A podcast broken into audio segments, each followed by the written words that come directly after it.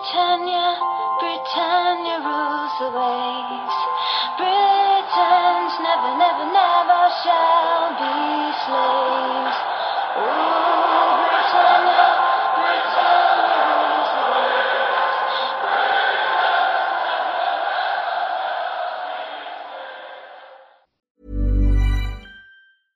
Ryan Reynolds here from Mint Mobile. With the price of just about everything going up during inflation, we thought we'd bring our prices down. So to help us, we brought in a reverse auctioneer, which is apparently a thing. Mint Mobile unlimited premium wireless. Ready to get 30, 30, bit to get 30, bit to get 20, 20, 20, bit to get 20, 20, bit to get 15, 15, 15, 15 just 15 bucks a month. So, Give it a try at mintmobile.com slash switch. $45 up front for three months plus taxes and fees. Promo rate for new customers for limited time. Unlimited more than 40 gigabytes per month. Slows. Full terms at mintmobile.com.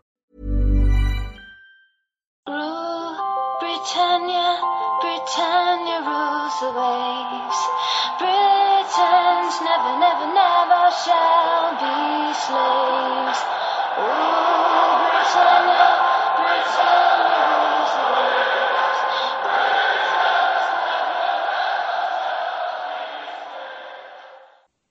Hej och välkomna till Svenska FPL-podden. Nu är det nära och eh, då menar jag deadline för Game Week 1. Vi har till och med kommit så långt att vi släpper vårt sista avsnitt innan säsongen drar igång. Och eh, för er som har lyssnat på podden tidigare säsonger vet ni att jag och Stefan har ett gemensamt poddlag som vi sköter om under säsongen som vi även får följa med i våra resonemang kring, kring byten, kaptensval under hela säsongen. Och i det här avsnittet kommer vi att eh, presentera hur poddlaget ser ut just i denna stund. Och vi är ganska nära ett, eh, ett fast lag, men det kan såklart ske förändringar eftersom att eh, vi kan få reda på saker från presskonferenser fortfarande. Det kan ske transfers som ställer saker på ända, men jag tror vi är ganska bestämda i eh, hur det ska se ut och det tänkte vi presentera nu. Så vi kommer gå igenom laget, vi kommer även gå igenom lite hur vi har resonerat i, i våra val och vilka spelare som precis har fallit på mållinjen och kanske vilka som, som kanske kommer komma in i laget till slut i alla fall. Vi ska innan vi går in och går igenom laget från målvakt fram till sista forward eh, passa på att rikta ett stort tack till våra samarbetspartner i form av Glenn Sportsbar, eh, eh, Unisport Store och Olka Sportresor. Eh, se till att gå med i våra ligor om ni inte redan har gjort det. Dem, eh, ni hittar all information på eh, vår Facebook-sida, Svenska FPL-podden. Se till att följa oss där. Eh, jag la precis innan vi spelade, ut, eh, spelade in nu la jag ut om eh, de presskonferenser som har hållits där jag sammanfattar lite. Vi fick lite besked om spelare eh, som eh, har dragit på sig skador här vid landslagssamlingar och vilka spelare som är redo och så. Så att eh, det finns eh, stor nytta att följa oss där på Facebook och när vi går igång med de ordinarie avsnitten så är det även eh, Facebook en del där vi samlar in frågor eh, från er lyssnare som vi svarar på i, i veckoavsnitten. Men med det Stefan så kickar vi igång och vi börjar väl mellan stolparna va?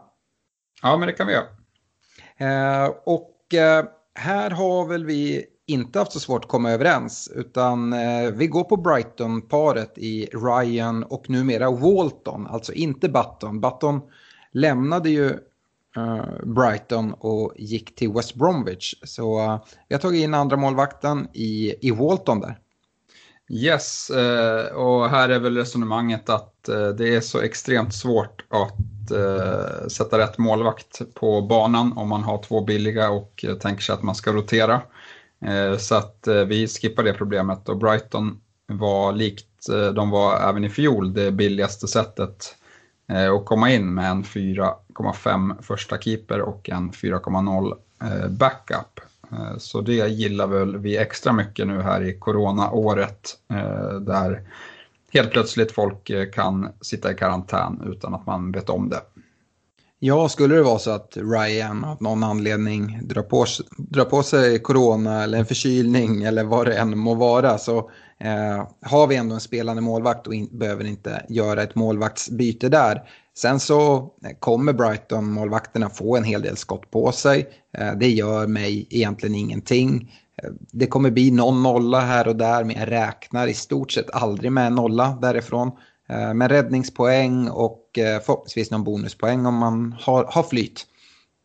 Yes, och eh, vi kan väl tillägga liksom framförallt Pope eh, spelar ju inte Game Week 1 så han följer bort ganska snabbt. Eh, annars har ju mycket handlat om man skulle välja Ryan eller McCarthy i Southampton för våran del men eh, både du och jag har väl vägt över på Ryan ganska tidigt där. Eh, den som eh, kanske fanns med i tankarna var ju också Ramsdale i Sheffield United eh, som kostar 5,0 då. Eh, han skulle potentiellt sett kunna ta med poängen Ryan tror jag, eh, fast eh, det vet vi inte heller. Han kommer från Bournemouth till Sheffield eh, United och, och var en bra målvakt där och gjorde mycket räddningar men frågan är om han är lika bra som, som Henderson som, eh, som var där förra säsongen. Ja, det, jag tycker att Ramsdale har vissa uppsidor, men det är 0,5 till. 0,5 kan tyckas som lite, men alla ni som sitter med era lag vet hur, hur viktig varenda öre är. Ehm, det jag gillar med Ramsdale om man nu känner att man har 0,5 över och vill kasta in det på, på honom, det är ju att han spelar i ett lag som Sheffield. Och de går in de allra flesta matcherna för att eh, ja, men, spela stabilt bakåt och när de gör mål så är det sällan att det rasslar in en 4-5 kassar framåt utan det är en 1-0 vinst eller så det är ganska målsnålt och det gör att målvakten ofta kan få bonuspoäng där. Eh, och det, eh, det är tacksamt men eh, Nej, vi, vi gick på Ryan och Walton och det har egentligen inte varit så mycket diskussion kring det utan jag känner mig trygg med det det blir vad det blir poängmässigt. Men eh, vi, har, vi har en målvakt som vi känner oss ja, he, helt okej okay nöjda med. Yes. Eh, vi lämnar målvaktssidan och går vidare på försvaret där eh, vi, har lagt, eh, vi, vi, kommer stanna, stanna till lite längre. Då är det dels fler spelare och eh, ja, lite, lite fler val helt enkelt. Vi har gått ganska, ganska tungt i försvaret. Eh, där vi har dubblat upp i Liverpool. Både med, med Trent och Robertson till slut. Eh, och eh, ja, det velade mycket fram och tillbaka. Men eh, om vi går igenom försvaret helt och sen eh, går igenom valen. Så vi har Trent, Robertson. Vi har Doherty i, i Spurs. Och sen så har vi Taylor i Burnley som inte har match i Game Week 1 då. Och sen så har vi en skadad och rödmarkerad Ferguson från Crystal Palace. Eh, vi kommer komma till det sen, men vi börjar väl med de spelare vi har tänkt starta med i Game Week 1 och det är ju då de spelare som kommer komma till spel, det vill säga Robertson, Trent och Doherty. Eh, ska vi börja i Liverpool, Stefan? Uh, yes, nej men här har vi tänkt långsiktigt. Uh, Trent, uh, när man såg priserna direkt när de kom så tyckte man ju att det var ett fyndpris, 7,5 för, för någon som nu har tagit 200 poäng eh, två säsonger i rad. Eh, det är ett extremt bra värde på honom. Eh, jag ser inte varför han skulle fortsätta ta poäng i liksom samma takt. Det är, det är, inte så att han har tappat sina förmågor och om något så, så tror jag att Liverpool kommer hålla något, något fler nollor i år om, om Alisson och är frisk hela säsongen. Mm. Sen har vi betalat upp för Robertson 0,5 mot van Dijk. Eh, där låg väl den stora avvägningen i, i det här skedet. Men jag tycker Robertson har sett väldigt fin ut på försäsongen. Eh, I slutet av förra säsongen så såg vi även att han fick ta eh, mer fasta situationer än tidigare. Eh, och det höjer hans potential ytterligare. Han tog en del hörnor och även en del eh, sådana frisparkar som skulle slås in eh, för, i straffområdet för att eh, försöka göra mål på. Eh, och det tycker jag väl att det är väl det som har vägt över här och det är väl även lite lättare och kanske förutspå vissa matcher där han eh, eventuellt eh, kan ta poäng eh, jämfört med van Dijk som framförallt gör nickmål och det är extremt svårt att förutspå när de kommer. Ja, precis. Sen så är det ju sådana här försvarare, de spelar man ju vilken match som helst oavsett vilka Liverpool möter, oavsett om man har van Dijk, Robertson eller Trent. Men eh, fördelen, det här är de två, två dyraste försvararna i spelet. Man kan tycka att det är väldigt mycket pengar lagt här. Eh, samtidigt så har man en enorm valfrihet då att eh, downgrada någon och få in exakt vilka försvarare man vill. Och eh, ja, men som sagt, det känns långsiktigt bra. Eh, vi planerar inte för att dra ett tidigt wildcard, men med det sagt så kan det mycket väl vara så att vi hamnar där och då, då så känner jag mig bekväm med det. Men eh, jag, jag vill gärna ha båda två. Jag tror, hade, hade någon sagt att, men som du är inne på, en mittfältare som, som kostar 7,5 som ligger och snittar på 200 poäng per, Eh, per, eh, per säsong, ja, men då hade man tagit in honom väldigt tidigt. Så varför inte göra det med, med de här försvararna? Värdet, värdet finns där och eh, nu går vi händelserna lite i förväg, men eh, vi har ju valt att gå utan Liverpool mittfältare. Och då känns det lite klent att bara sitta med, med en utav försvararna.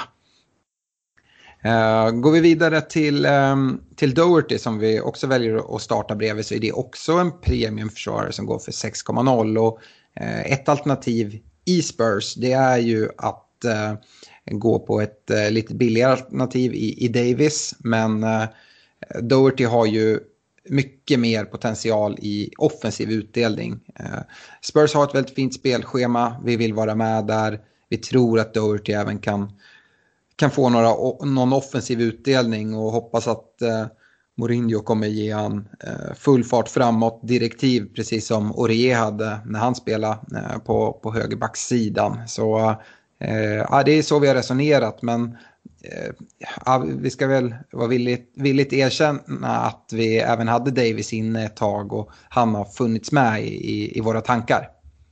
Ja, nej men det är väl den här extra eh, offensiva potentialen som borde finnas där för Doherty som har vägt över. Och jag ser det liksom, jag ser det, det borde, vore bara korkat om eh, han inte kommer vara den här offensiva eh, högerbacken. Om Mourinho skulle vilja förändra sitt system på något sätt, då skulle man inte värva Doherty. Då skulle man värva någon back som är defensivt skickligare än, än vad han är. Eh, så jag tror att det är liksom tanken eh, här för säsongen. Mm. Eh, vi kan väl nämna våra bänkspelare då. Eh, Taylor i Burnley tycker jag känns som en väldigt prisvärd 4,5 eh, som man nästan kan spela vilken vecka som helst då, förutom Game Week 1 och han inte har match, om man nu, nu behöver det. Så då har vi möjlighet, möjligheten att spela en fyrbackslinje om eh, vi har problem någon annanstans i, i laget. Eh, sen så, Eh, ja, varför vi har eh, valt, valt Ferguson i Crystal Palace kan man ju tycka att det är lite korkat eftersom att han är skadad och vi vet inte riktigt när han kommer komma tillbaka. Eh, det finns ju förmodligen en startspelare i Game Week 1 i, i samma lag, Mitchell. Eh, men han eh, ägs av väldigt många fler och eh, han är jag helt säker på kommer tappa sin plats så fort van Anholt är tillbaka. Samtidigt som Ferguson skulle kunna göra platsen till sin på lång sikt när han kommer tillbaka. Och eh, jag försöker se in i framtiden. Eh, tror att eh, Mitchell kommer starta Game Week 1 men då behöver inte vi ha honom för vi har säkra startspelare i övrigt. Tycker vi i alla fall. Och eh, då, då tänker vi att, eh, att Mitchell mycket väl kan börja tappa i pris då han är ganska högt ägd och när van Anholt kommer tillbaka och folk börjar byta ut honom då, ja, då, då sjunker hans pris. Och du vill inte sitta med en spelare som, som sjunker i pris som sitter längst ut på, på bänken. Det är väl så vi har resonerat. Ja, det, det kan jag skicka som ett allmänt råd. Att jag gillar inte att ta de här populära, billiga spelarna, eh, möjliggörarna. För att eh, det enda som kan hända med dem det är att, eh, att eh, folk eh, byter ut dem, att de tappar i pris. Eh, så att eh, jag brukar undvika dem om det inte nu är så att det finns någon så här superspelare som, som är billig som eh, man bör ha. Eh, men jag ser ingen sån i år faktiskt. Nej, det är väldigt lätt att, att fastna med dem. De som börjar på 4,0 eller en mittfältare på 4,5 som plötsligt eh, tappar 0,1-0,2. Det är riktigt tufft att, att, få in något annat eh, som, av, av värde där. Då behöver man göra, göra dubbelbyten eller sådär. Och det, det undviker man gärna för en sån spelare. Eh, så har vi resonerat i alla fall. Eh, på mittfältet så eh, hittar vi Aubameyang som eh, förmodligen var den första spelare som vi tog ut och som vi eh, förmodligen kommer ha kaptensbindeln på. Om vi inte får no no några tydliga indikationer på, på någon skada eller någonting som dyker upp här sista dagarna. Vi eh, har även eh, en Kai Havertz eh, från Chelsea, en Dele Alli i Spurs, en Saint Maximan i Newcastle och en på bänken, en Bizuma från Brighton. Yes, nej men Aubameyang som du säger, eh, superbra kaptensalternativ i Game Week 1 och 2 tycker jag. Han har sett ut att vara i riktigt fin form här också på försäsongen. Eh, det finns väl inte så mycket mer att säga där. Han är ett jättelätt eh, byte sen till Manchester City-mittfältarna i Game Week 3 om man, om man känner för det. Så att eh, han tycker jag är självskriven.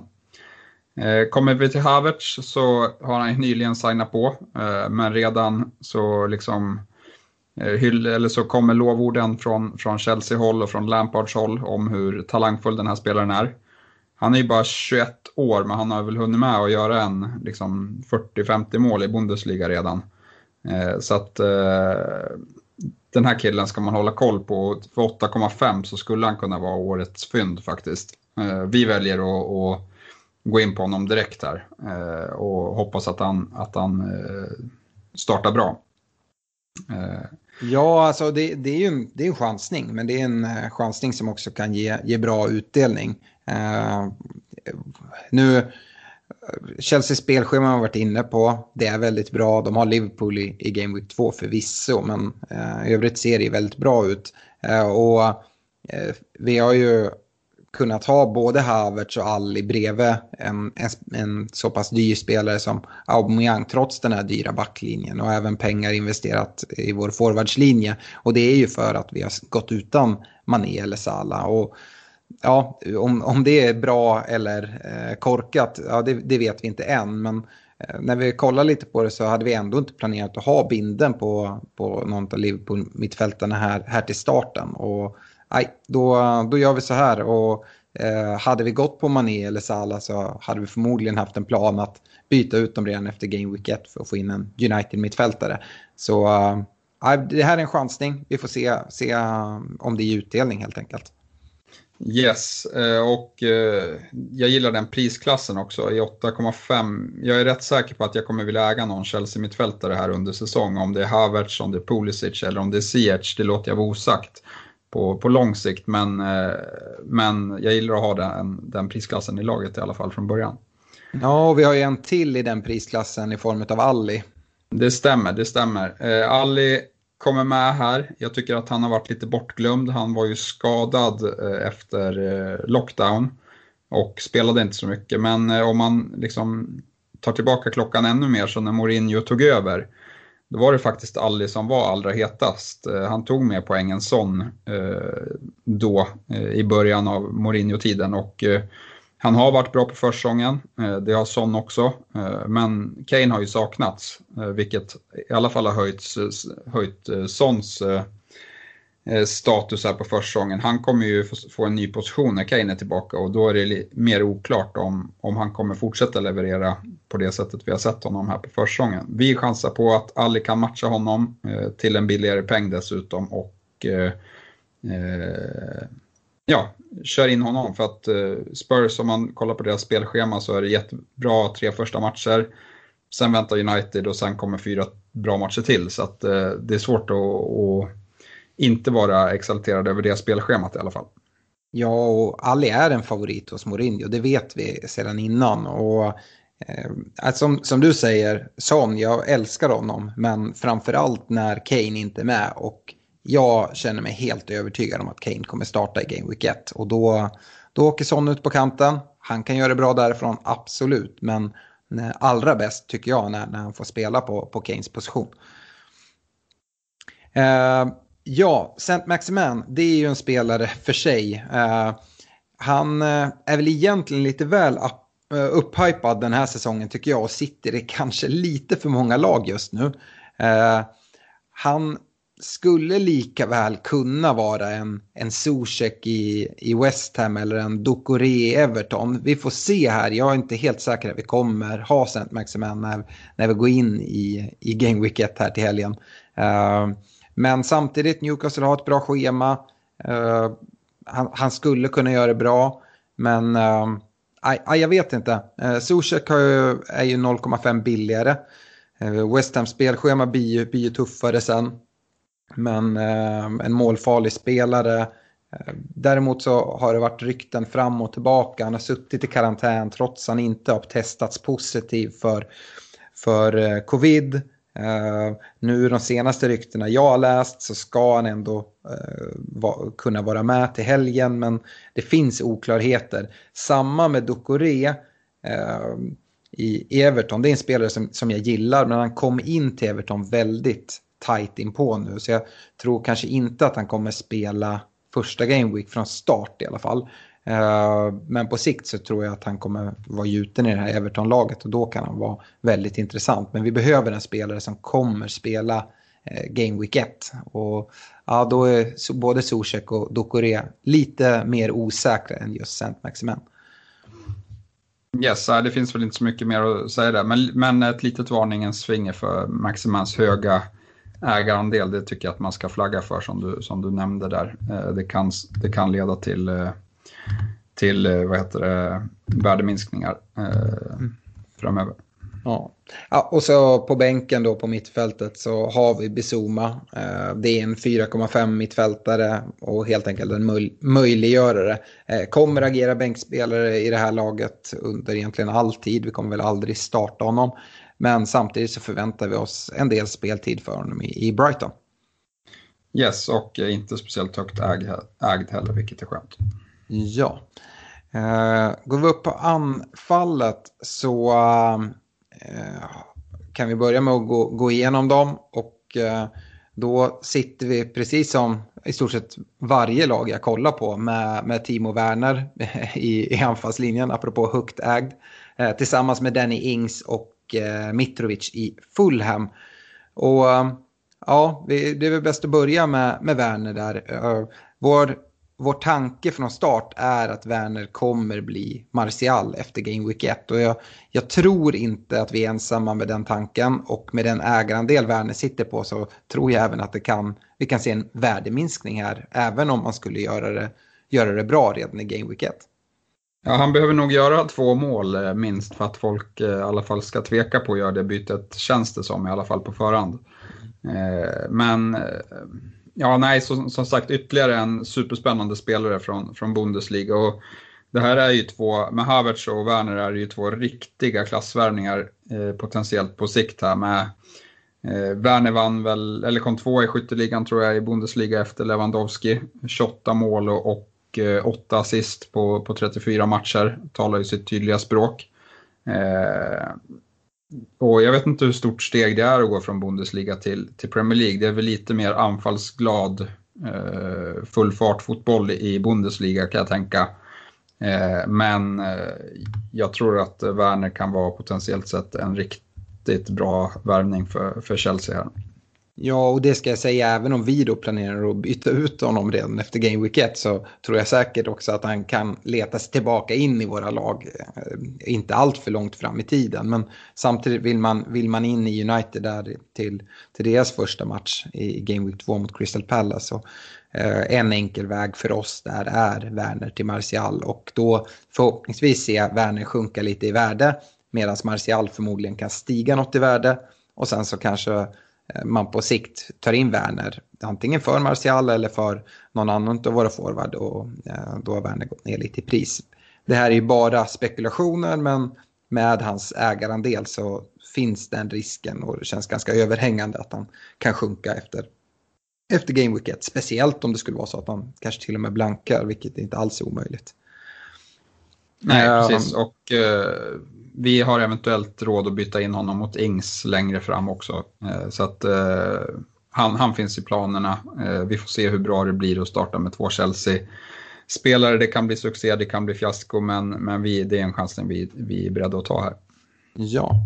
Uh, Ings nämnde du, han startar vi också med. Uh, kommer spela mot det här decimerade Crystal Palace i Game Week 1. Och, Eh, vi har väl precis som, som alla bollat med tanken att spara 2,5 eh, på att istället köra på Shay Adams i, i Ings förväntade anfallskollega eh, och nyttja de pengarna på annat håll. Men Ja, dels gillar inte jag att sitta med två stycken 6,0 forwards i starten av säsongen på grund av den dåliga flexibilitet som det ger. Om man sen vill hoppa på något premiumalternativ som, som direkt gör det bra.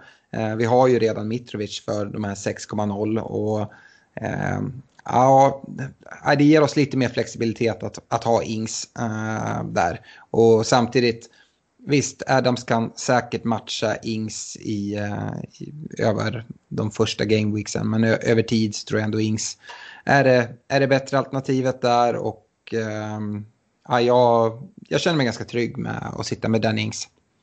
Ja, nej, absolut. Långsiktigt så är han mycket bättre än, än Adams. För Game Week 1, eh, då är det såklart jämnt skägg. För jag, jag, är rätt säker på att de två startar mot Palace. Och eh, om, om liksom min teori går in då kommer Southampton ta hem den där matchen ganska enkelt och vem som tar mest poäng då utav de två är svårt att säga om på förhand.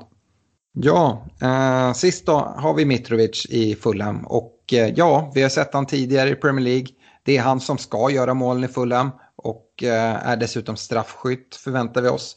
Så eh, ja, det är ju en, det är en galen spelare Mitrovic, men eh, det brukar också kunna vara så här i, i starten på säsongen någon anfallare från, från någon nykomling som, som gör, det, gör det väldigt bra och får in, kommer in i lite målform. Varför skulle inte det kunna vara, vara Mitrovic i år?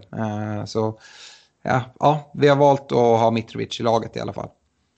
Yes, och eh, ja, som du sa, han är straffskytt, det, det är positivt. Eh, och det finns sen är det, det, det, liksom det priset 6,0 finns inte jättemycket. Jag tycker inte det finns jättemycket på bland mittfältarna heller där som är intressanta för, för Game Week 1. Så att, eh, då föll valet på, på Mitrovic här och gör han mål mot Arsenal i första matchen då kan ju han bli den här Pookie bandwagon som, som vi hade förra säsongen eh, där allt rullar på de första omgångarna och sen kanske det inte är så aktuellt att äga långsiktigt. Nej, och ska vi säga det, nu kommer det ett väldigt bra eh, 6,0 alternativ här som vi fick reda på idag att eh, Batshuayi i Chelsea lånas ut till Crystal Palace. Och eh, han har varit där tidigare på lån, har gjort det bra. 6,0 tycker det är ett bra pris på honom. Eh, så om man väljer att gå på två 6,0 forwards eller så, så, så finns det ändå alternativ. Och vi har Calvert Lewin för, för 7,0 som inte är allt för långt. Vi har ett gäng på 6,5 där med, med Wood som jag gillar väldigt mycket. Som inte har match i Game Week 1 men som, som eh, snart kommer in där i, i den mixen också. Men det vi kanske framförallt följer, eh, som jag vet både du och jag Stefan har pratat om, det är ju Brewster i Liverpool. Det ryktas väldigt mycket om en utlåning där och det är ju en forward, eh, en av få forwards som kostar 4,5 och det är en väldigt lovande spelare och skulle han bli utlånad till ett förväntat bottenlag eller mittenlag i, i Premier League, ja men då kommer jag vara väldigt snabb in där. Få dels spara pengar på min tredje anfallare och sen även ha en, ha en eh, startspelare för, förmodat då. Ja, det skulle faktiskt låsa upp eh, ett femman min, femman av min, mitt för, för mig. Eh, så att jag hoppas att det händer. Ja. Uh, som, som vi var inne på, laget är uttaget för att kunna hålla på relativt lång sikt och det är inte planerat för att dra ett tidigt wildcard även fast vi är fullt medvetna om att det mycket väl kan komma att bli så om vi känner att det krävs och, och det känner vi oss fine med. Samtidigt tycker jag, jag gillar att, att kunna ha ett lag som jag känner mig, mig trygg med att sitta kvar med för att om, om starten blir helt okej okay, Eh, och inte total katastrof så kan man lösa det med, med lite byten och eventuellt något minuspoäng och hålla på wildcardet lite, lite längre. Eh, det är väldigt skönt om det går att göra. Eh, så det, det är jag nöjd med. Sen kommer det såklart vara väldigt jobbigt med det här laget att se Liverpool spela då man varken har Salah eller Mané. Men eh, samtidigt hoppas vi täcka det. Något med eh, den här premiumuppdubblingen vi har i försvaret. Plus att vi då har kunnat eh, investera pengar i, i resten utav, eh, av vårt lag. Och om vi ska vara helt ärliga när vi går till oss själva så eh, ser vi andra bra kaptensalternativen än Salah och Mané också till starten. Och ja, om man inte har tänkt sätta binden där så är de inte heller lika viktiga. Och jag tror, att, jag tror heller inte att de kommer vara eh, alltså, superkaptenade så som de skulle kunna vara då det finns många andra bra kaptensalternativ. Även om binden kommer sitta på, på dem i, i många lag också såklart. Ja, nej, det blir spännande säsong där tror jag. För att, eh, ja, dels med den här konstiga starten, det kanske inte är optimalt. Men, eh, men eh, även om Eh, alla hade spelat i Game Week 1 så hade vi nog sett väldigt många olika konstellationer här på på laguttagningar skulle jag tro. Eh, det känns som att liksom United har gått och fått ett eh, mittfält med flera, eh, flera roliga alternativ, likaså Chelsea. Eh, och det utmanar lite de här, Aubameyang är omklassad. Och det utmanar verkligen Salah och Mané som, som har varit liksom givet att man ska ha någon av dem eh, jämt förut. Eh, det tror jag inte kommer vara så längre i år. Nej, och både du och jag satt till en början och, och fingrade på att ha någon United-spelare bänkad i Gameweek 1 för att eh, enklare kunna ha, ha mer än en spelare utan att ta minus. Men har övergett den tanken. Jag säger inte att den tanken är fel, men eh, Eh, det känns skönt att ha investerat pengarna också och ha en plan att det kanske räcker att sitta med en United-gubbe eh, skulle det vara så att vi ser att eh, Crystal Palace blir fullständigt slaktade i Game Week 1, ja, men då kanske man istället kan ta, ta fyra minus och, och trycka in två United-spelare om man, om man har en, en känsla för att Palace helt kommer, kommer rasa ihop. Men um, Ja, vi får se. Det skulle ju även kunna vara så att Crystal Palace har fått ihop försvarsspelet och gör det riktigt bra i Game Week 1. Och, ja, då kanske det räcker att ta in en eller kanske chansa att gå helt utan också. Ehm, så eh, det är den väg vi har, vi har valt att gå och känner oss nöjda med det. Eh, en sak som jag skulle vilja ta upp med det här laget som eh, jag skulle vilja skicka med till, till alla er som sitter och fingrar på era lag just nu. Jag tror att det kanske speciellt den här säsongen, men generellt eh, för mig så är det väldigt viktigt att inte ha underinvesterat i någon lagdel. Eh, egentligen utöver målvaktssidan då, där vi har lagt så lite pengar som möjligt. Men eh, har man gått in och man sitter med två stycken 4,5 mittfältare och ens tredje eh, mittfältare kanske också är en 5,5-6 mittfältare och så har man investerat väldigt tungt i försvaret och, och, ganska mycket i anfallet. Eller ja, som sagt, man kanske inte har någon premium forward eller så. Det gör laget väldigt oflexibelt. Och um, ja, jag, jag tror verkligen inte på det. Jag vet inte, är det något du, du också resonerar kring, Stefan? Ja, men eh, ett tag satt jag med ett riktigt eh, billigt mittfält eh, och insåg snabbt att det här kommer inte hålla. Jag kommer vilja ha tre dyra mittfältare tids nog, så att då styrde jag om lite. Nu sitter jag kanske lite, lite klent i anfallet, men har ändå en, en över nio där, så att Nej, men jag tror att också att det är bra att ha en balans initialt här för att kunna hänga på vilket tåg som nu än går i början. Mm. Ja, det är väl egentligen det vi har att säga om, om laget. Som sagt, det kan ske vissa små justeringar fram till, till deadline på lördag. Men, äh, ja, men jag tror att vi är ganska nära ett slu, slutgiltigt lag så här. Äh, det här är ju vårt sista införavsnitt. Vi kommer såklart lägga ut en bild på det här laget som vi har pratat om på vår Facebook-sida nu direkt efter att vi har spelat in. Så man får lite grafik över det också, lättare att hänga med. Uh, sen så kommer vi komma igång med våra ordinarie avsnitt här senare eh, under säsongen. Då återkommer vi en gång i veckan där vi svarar på era lyssnarfrågor. Vi går igenom rekommendationer på spelare, senaste matcherna som har varit, vilka spelare som sticker ut och, och sådär.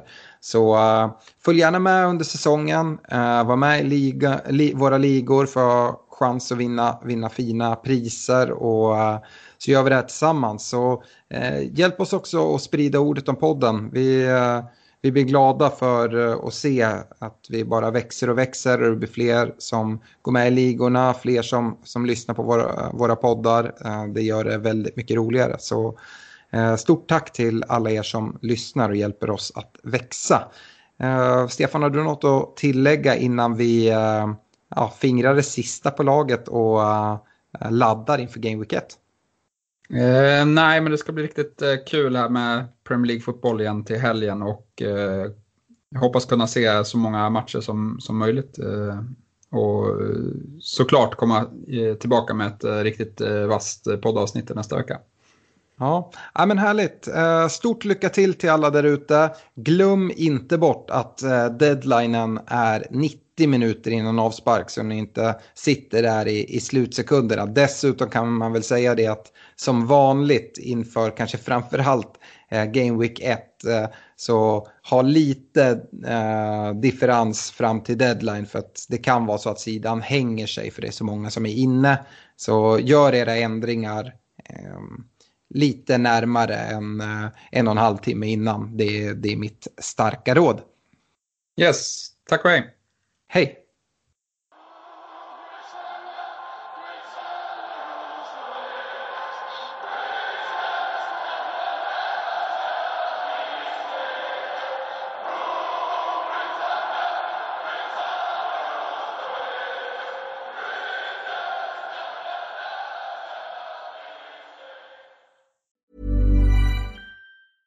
Hej. deserves the best, and there's no better place to shop for Mother's Day than Whole Foods Market. They're your destination for unbeatable savings, from premium gifts to show-stopping flowers and irresistible desserts. Start by saving 33% with Prime on all body care and candles. Then get a 15-stem bunch of tulips for just $9.99 each with Prime. Round out Mom's menu with festive rosé, irresistible berry chantilly cake, and more special treats. Come celebrate Mother's Day at Whole Foods Market.